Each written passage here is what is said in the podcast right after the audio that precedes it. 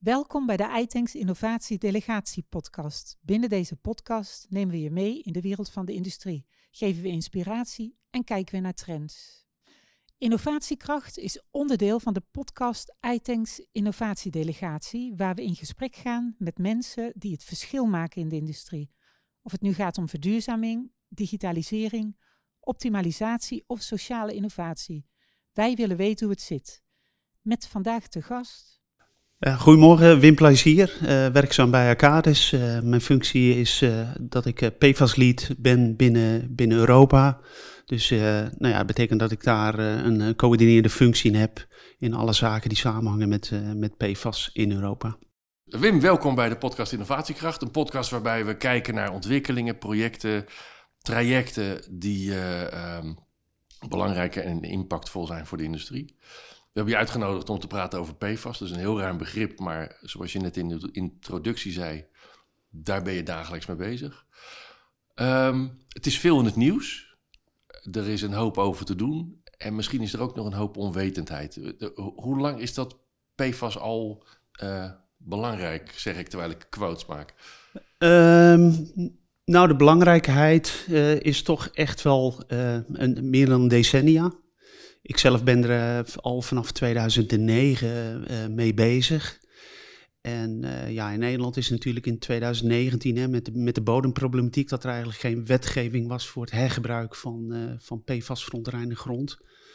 Toen is het in Nederland echt wel in een stroomversnelling gekomen. Ehm, dat was met name voor bodem. Nou, je ziet ook recentelijk wel dat, dat er ook veel meer aandacht komt voor ehm, oppervlaktewaterkwaliteit. Nou ja, grondwaterkwaliteit. Uh, en alle PFAS-bronnen die er uh, dan uh, zijn. Mm -hmm. Nou, belangrijkste bron daarbij is, is toch wel blusschuim ook. Dat is een van de belangrijkste bronnen van, van, van PFAS. Hè. Ooit in de jaren 70 ontdekt als een wondermiddel om, om heel goed blusschuim te krijgen. Hè, naar aanleiding van een enorme calamiteit. Nou, dat is uh, de afgelopen ja, decennia is het gewoon uh, altijd toegepast. Totdat men inderdaad uh, in het begin van, van de 20e eeuw ontdekte dat, ja, dat er toch wel wat, wat problemen mee waren, milieuproblemen. Ja, dat, dat men het vond in het weefsel van, van ijsberen. dat men zag dat het zich ophoopte in, ja, in allerlei in waterdieren bijvoorbeeld. Dus ja, dat leidde toe dat er meer aandacht kwam voor de milieuaspecten van, van, van PFAS. Oké, nou, zonder dat we de hele chemische formule gaan afpellen, maar er zijn een aantal varianten van. Um, de een wellicht wat schadelijker dan de andere, maar kun je het afbreken? Kun je er iets mee? Of is het iets waar we op dit moment mee om moeten gaan? Um, er zijn ongeveer 6000 verschillende PFAS-verbindingen. Um, en er zijn een aantal bekende componenten. Zo heb je PFOS, dat is dus een van die 6000. PFOA en GenX. dat zijn uh, ja, toch wel de, de, de, componenten die eigenlijk dagelijks in het nieuws komen. Maar het is slechts het tipje van de ijsberg van alle PFAS-verbindingen. En uh, ja, de, er zijn eigenlijk uh, persistent, zeer persistent. Uh, we noemen dat PBT, hè, dus persistent, bioaccumulatief en toxisch. En juist die combinatie van die drie maakt ja, dat ze heel veel aandacht krijgen. Van ja, wat, wat is het effect op de, op de volksgezondheid, maar ook bijvoorbeeld op ecologie. En nu ben je ook onderdeel van het PCTS, als ik het goed heb begrepen. Op welke facetten richt zich dat gezelschap? Ja, PCTS is eigenlijk uh, een, een, drietal jaar geleden opgericht. Uh, het is eigenlijk samenwerking tussen Arcadis, uh, Boskalis Environmental, Camry Firefighting en Tjaden. waarbij we eigenlijk op het vlak van, van, van blusschuim, brandbeheersing, brandveiligheid, grondbehandeling en waterbehandeling alle kennis en kunnen hebben gekoppeld.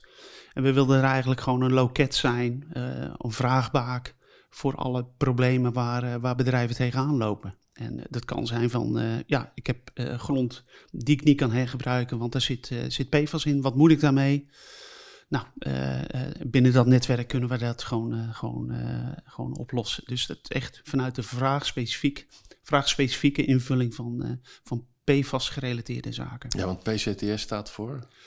PFAS Cleaning and Treatment Solutions. Dat is hem, ja. dat is ja. hem. Dus hoewel het uh, een goedje is, er zijn op veel vlakken wel oplossingen te vinden. Uh, ja, absoluut. Ik, ik, krijg geregeld wel de vraag van, uh, hoe, hoe zit het nou met PFAS? Hè? Kan je er wat mee? er gebeurt heel veel mee. het feit dat, dat grond echt heel goed gereinigd kan worden. Het wordt dan gewoon gewassen. En het grondwassen gebeurt eigenlijk al meer dan, dan 25 jaar. Voor olieverontreiniging of voor uh, waterstoffen of zware metalen. Uh, maar je kan daar ook gewoon de PFAS-verbindingen mee, uh, mee uitwassen. Nou, daar moet je dan wat mee. Het gaat dan over van de, de, de grondfase in de slipfase. Die wordt afgescheiden, wordt gestort. En de waterfase die kan je dan weer, weer behandelen. En op die manier kan je die grond gewoon reinigen, waarna die weer hergebruikt kan worden als klasindustriegrond. Nou, Oké, okay, en, en uit, dat, uh, uit die samenwerking, zijn er meer onderwerpen waarvan je merkt dat mensen achterlopen in kennis waarbij je ze wel mee kunt helpen, waarbij je ze op gang kunt helpen? Uh, ja, absoluut. Uh, PFAS is natuurlijk uh, heel veel in het nieuws, maar gewoon de praktische uit, uitvulling en consequenties daarvan, dat, dat begint men nu te merken. Hè. De, recentelijk ook een keer een, uh, dat we echt de eerste keer uh, invulling moesten geven aan een, aan. Hè. Gezegd het van, ja, we willen gewoon dat jullie wat gaan doen met, met de PFAS wat in het te loze water zit. Nou, daar zijn op dit moment, zie je daar de eerste stappen vanuit het bevoegd dat er echt expliciet gekeken wordt van, wat zit er in het water aan, aan PFAS-verbindingen en hoe ga je dat oplossen? En daar dan ook een, een een lozingsnorm die daarbij wordt gegeven. Dus uh, ja, je gaat er op meerdere vlakken. Bij bemalingen, uh, bij, bij afvalwaterlozingen. Ik denk dat daar meer en meer uh, vragen gaan komen van de bevoegde zagen van... hey, hoe zit het met, de, met PFAS? Ja, want men wil natuurlijk de oppervlaktewaterkwaliteit in Nederland verbeteren. Niet alleen voor PFAS, maar voor heel veel componenten. Maar PFAS is wel een van de stoffen die daar natuurlijk uh, uh, een hoge prioriteit heeft. Wederom vanwege alle uh, commotie die er is op dat vlak. Dus aan de ene kant worden we bewuster. er, er zijn ook aanpakken voor om dingen nou, bewuster te doen en wellicht zelfs ook op te lossen. Zijn er nog onverkende gebieden? Kun je het meten? Kun je het wat ik veel verbranden, moet je opslaan. Welke, wat, wat staat er nog open? Ja, PFAS. Kijk, um, PFAS is gewoon een, een, een, verbinding die heel erg persistent is. Hè. Je kent het van, van Tefal, uh, hè, van de Tefalpan, die, die, die, die laag, uh, die als het ware gewoon heel erg hittebestendig is. Betekent dat het gewoon heel veel energie heeft gekost hè, om zo'n om zo'n component te vormen. Maar dat betekent ook dat het gewoon heel veel energie kost om zo'n component weer open te breken. Nou, daar loop je tegenaan hè, om, uh, om uh, uh, PFAS af te breken of PFAS-polymeren af te breken. heb je echt enorm hoge temperaturen nodig. Dat gebeurt dus in, in speciale verbrandingsinstallaties, waarbij je nou ja, temperaturen tot, tot 1200 graden, minimaal 1200 graden nodig hebt om, om die verbinding open te breken. Nou, daar wordt nog wel onderzoek naar gedaan. Hè. Is, die, is die verbranding volledig?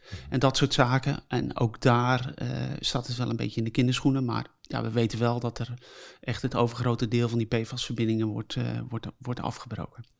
Dus die kant op wordt er gewerkt aan. Uh, als, je dat, als je bijvoorbeeld grond gewassen hebt, het restproduct, om dat ook op te werken, zeg maar, daar wordt aan gewerkt. Kun je het meten? Hoe, hoe kun je het uh, uh, ja, je kunt het meten, want anders weet je niet dat het in de grond zit. Maar zijn er ook al technieken waarbij je dat snel kunt doen? Of gaat het nog op labschaal, moet ik me dat voorstellen? Het PFAS-analyses gebeurt echt nog op door middel van laboratoriumanalyses. Ehm, wat ik in het begin zei, hè, er zijn ongeveer 6000 verschillende PFAS-verbindingen.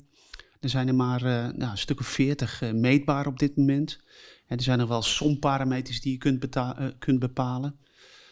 Uh, maar uh, ja, je bent wel. Uh, het zijn wel de bekendste componenten. Hè? PFOS en PFOA zitten daar ook wel bij. Maar het, is, het, het, kan wel het tipje van de ijsberg zijn. Een beetje afhankelijk van, van de mix aan PFAS-verbindingen die er eventueel in zou kunnen zitten. Oké, okay, dus daar wordt nog hard aan gewerkt? Daar wordt hard aan gewerkt, ja. Okay. ja. Kan jij zeg maar, uh, afsluitend voor deze podcast, kan jij de horizon schetsen wat jou betreft tussen nu en nou, vijf of tien jaar, wat er op dit vlak gaat gebeuren of staat te gebeuren? Ja, ik denk dat we toch uh, moeten verwachten dat er veel meer aandacht gaat komen nog voor PFAS. Hè, de reductie aan, aan emissies naar, naar, naar bodem, grondwater, hele belangrijke. de schuimtransitie is ook een enorm belangrijke. Waar we in het begin dachten van er komen heel veel vragen, heel veel vragen op grond- en watervlak.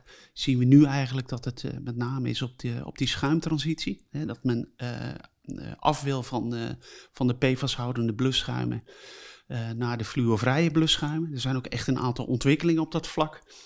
Dat de bedrijven die voorheen die PFAS-houdende blusschuimen produceren, dat die nu ook zeggen, we, we stoppen daarmee.